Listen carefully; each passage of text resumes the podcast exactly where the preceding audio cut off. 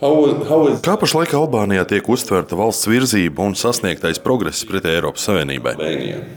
It's a very good moment to ask this question. If you would have asked it, for example, last year. Uh... Šis ir ļoti labs laiks, lai uzdotu šādu jautājumu. Vēl pagājušajā gadā atbilde būtu diezgan miglaina, bet šogad mēs esam piedzīvojuši vairākus iedvesmojošus sasniegumus, un spilgtākais no tiem ir kandidātu valsts statusa iegūšana kopā ar Ziemeļmaķedoniju. Izredzes iegūt šādu statusu ir palielinājušās arī Bosnijai un Hercegovinai. Ar Kosovu ir noslēgts vīzu liberalizācijas līgums.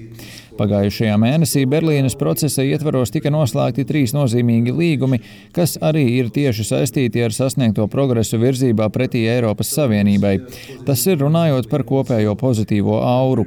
Ja jūs prasīsiet par iedzīvotāju noskaņojumu, ir ļoti daudz pamatotu jautājumu par to, ko tas dos man, ko šāda integrācija dos maniem bērniem, kā tas ietekmēs manu vecāku veselības aprūpi, kā tas palielinās manas iespējas iegūt labāku darbu un lielāku algu un šeit lietas virzās nedaudz lēnāk. Migrācijas rādītāji gan Albānijā, gan citās Balkānu valstīs rāda, ka arvien vairāk cilvēku izceļo labākas dzīves meklējumos. Tāpēc mēs varam teikt, ka ir tāda divu ātrumu virzība uz priekšu. Institucionālais process ir atguvis enerģiju, taču pilsoņu līmenī vēl ir daudz darāmā. But from the citizen point of view, there is still a lot to be done. Uh. Ja mēs runājam par šo valdības līmeni, kādi varētu būt tie lielākie sasniegumi, kas ir nodrošinājuši Albānijai šo kandidātu valsts statusu, un kuras ir tās sfēras, kurās progress nav tik liels? Well, It must be underlined that uh, I think for seven, for many years in a row, at least five. Šeit jānorāda, ka Eiropas komisija jau gadus piecus vai septiņus ir sniegusi Eiropadomēji pozitīvus atzinumus par kandidātu valsts statusa piešķiršanu Albānijai. Faktiski visi Briseles cilvēku izvirzītie priekšnoteikumi ir tikuši izvērtēti un atzīti par izpildītiem, lai piešķirtu kandidātu valsts statusu. Taču papildu politiskie priekšnoteikumi, kas ir pievienoti šīm tehniskajām prasībām, ir nākuši no Eiropadomes un atsevišķām dalībvalstīm. Dažas no prasībām ir izpildītas, dažām būs nepieciešams laiks. Piemēram, tieslietu sistēmas reformai, kas ir unikāla, jo nevienā citā Rietumbalkānu valstī nekas tāds nav darīts, un to būs ļoti sarežģīti atklāt atkārtot.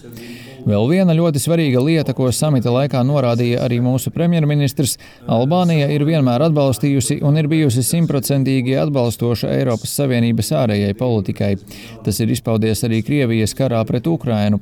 Par to netiek daudz runāts, bet Albānija ir ANO drošības padomas locekle, darbojoties kā ļoti vērtīga rietumu demokrātiju sabiedrotā, jebkādās diskusijās ANO ietvaros. Šī pro-eiropeiskā, pro-rietumnieciskā nostāja kombinācijā ar tehnisku tehniskajiem sasniegumiem, normatīviem uzlabojumiem un ekonomisko attīstību ir pārliecinājis Eiropadomi piešķirt mums kandidātu valsts statusu.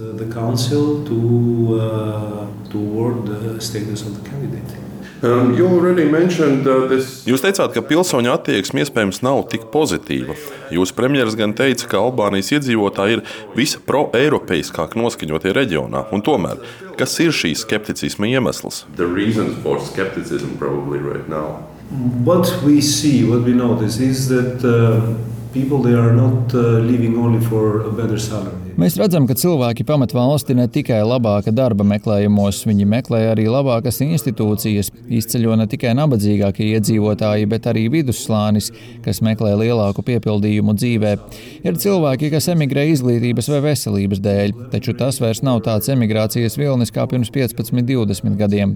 Viens no iemesliem ir tāds, ka paplašināšanās process un tuvošanās Eiropas Savienībai ir bijusi ļoti lēna, bet cilvēki nevar atļauties gaidīt. Ja sarunas sākās, kad man bija 15, tagad man ir 30. Ja man jāgaida vēl 10 gadi, tad iestājoties Eiropas Savienībā, es jau būšu vecs. Tā vietā, lai gaidītu, ka cilvēki Briselē vai Tirānā izies cauri visiem dokumentiem, es darbu Eiropā varu atrast jau tagad. Pieejamo darba vietu ir daudz, un Rietumbalkānu iedzīvotāji ir labi kvalificēti. Ar šo darbu es varu pabarot savu ģimeni, mani bērni var iet labākās skolās, un es varu piekļūt labākām institūcijām, negaidot to izveidi no jauna. Tas ir pilnīgi normāli un racionāli. And Jūs, uh, Jūs minējāt, ka tas ir vidusslānis, kas dodas prom. Es dzirdēju tādus izteikumus, paskatieties apkārt. Te ir palikuši tikai, citēju, pabiras. Kas tiek darīts un kas būtu jādara, lai šo situāciju uzlabotu un iedzīvotāju noskaņojumu celtu? Kas ir tie jūtīgākie jautājumi? This is a very important question.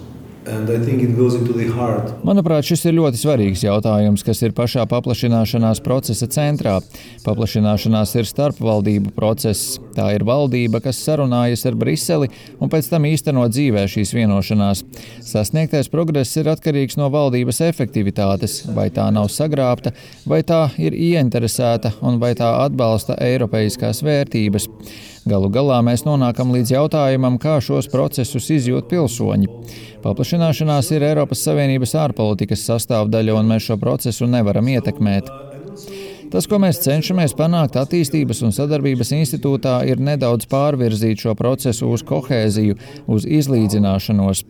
Arī jūsu valstī kohēzijas politika ir palīdzējusi tuvināt ne tikai valdības institūcijas, bet arī reģionālos un cilvēku sakarus. Tās ir dažādas kohēzijas un attīstības politikas programmas. Es gribētu teikt, ka mums ir pienācis laiks pakāpties soli atpakaļ. Nav vērts runāt par paplašināšanos Rietumbalkānos. Šis uzstādījums ir nepareizs. Balkāni jau ir Eiropas Savienības pašā vidū. Mums visapkārt ir Eiropas Savienības valstis. Jūs nevarat paplašināties uz mūsu rēķina. To var darīt Ukrainā, Moldovā vai Grūzijā.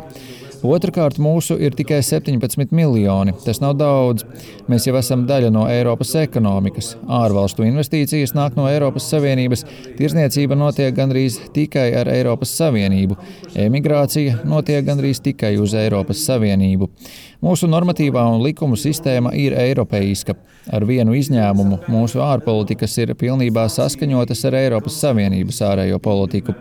Kosova un Melnkalne lieto eiro, Ziemeļmaķedonijā nauda ir piesaistīta eiro.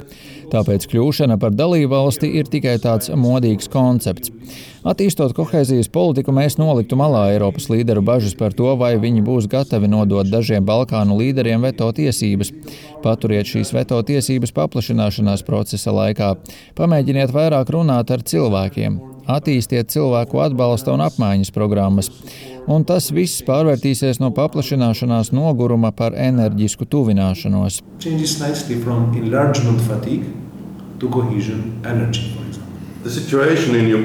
Kā Ukrainā notiekošais ir ietekmējis to, kas notiek jūsu valstī? Uh, the first impact has been uh, in the level, life level of uh, ordinary citizens. The prices have gone up. Pirmkārt, ir ietekmēta cilvēku dzīve, jo cenas ir cēlušās, ir palielinājusies neskaidrība un tas ietekmē ikdienas dzīvi. Tas ir no jauna aktualizējis arī tā dēvēto stabilokrātiju, kad spēcīgi valsts vīri uzsver, mēs iestājamies par Eiropas Savienības politiku pretstatā Krievijai. Tāpēc mums ir jābūt stingrākiem pašmājās un nav jāskatās, ko dara citas demokrātiskās Rietumbalkānu valstis. Tam tā nevajadzētu notikt, jo valsts, kas nav demokrātiska, nav noturīga un nav uzticama partnere. Otrakārt, mēs esam sapratuši, ka vieni paši mēs neesam nekas. Bez stipras uz vērtībām balstītas alianses, kas ir gatavas sniegt mums nepieciešamo atbalstu, lai mēs varētu mierīgāk gulēt. Treškārt, mēs Albānijā dažreiz pat pārāk aktīvi esam nostājušies to valstu un tautu pusē, kuras cieš. Mēs esam uzņēmuši gan afgāņus, gan irāņu moģahedus. Tagad tie ir ukrāņi vai jebkura cita kara dēļ pārvietotā persona. Mēs esam parādījuši šo pretimnākošo mentalitāti, kas valda šajā pasaules daļā. Ņemot vērā, ka Ukraina, Moldova un Gruzija tagad arī faktiski ir ieguvušas kandidātu valstu statusu, būs interesanti sekot notikumu attīstībai. Mēs bijām sešas valstis, tagad būsim deviņas. Šīm trijām valstīm ir milzīgi izaicinājumi, jo katrai no tām ir daļu okupējusi Krievija. Otrakārt, viņām ir lielas ekonomiskās prasības, lai atjaunotu savu infrastruktūru. Un treškārt, tagad šīs valstis ir integrācijas procesa priekšgalā, bet nav tā, ka pirms kara korupcijas vai citos demokrātijas indeksos tās būtu kaut kādas superzvaigznes. Arī šīm valstīm priekšā ir tāls ceļš, lai izveidotu spēcīgas demokrātiskās institūcijas. Tāpēc man ir jautājums, kas notiks ar mums visām deviņām? Es negribu, lai pēc pāris gadiem kāds saka, ka Albāniju mēs nevaram uzņemt, jo jāpagaida ir Moldova. Vēsture ir pierādījusi, ka mēs progresējam vislēnākās valsts ātrumā.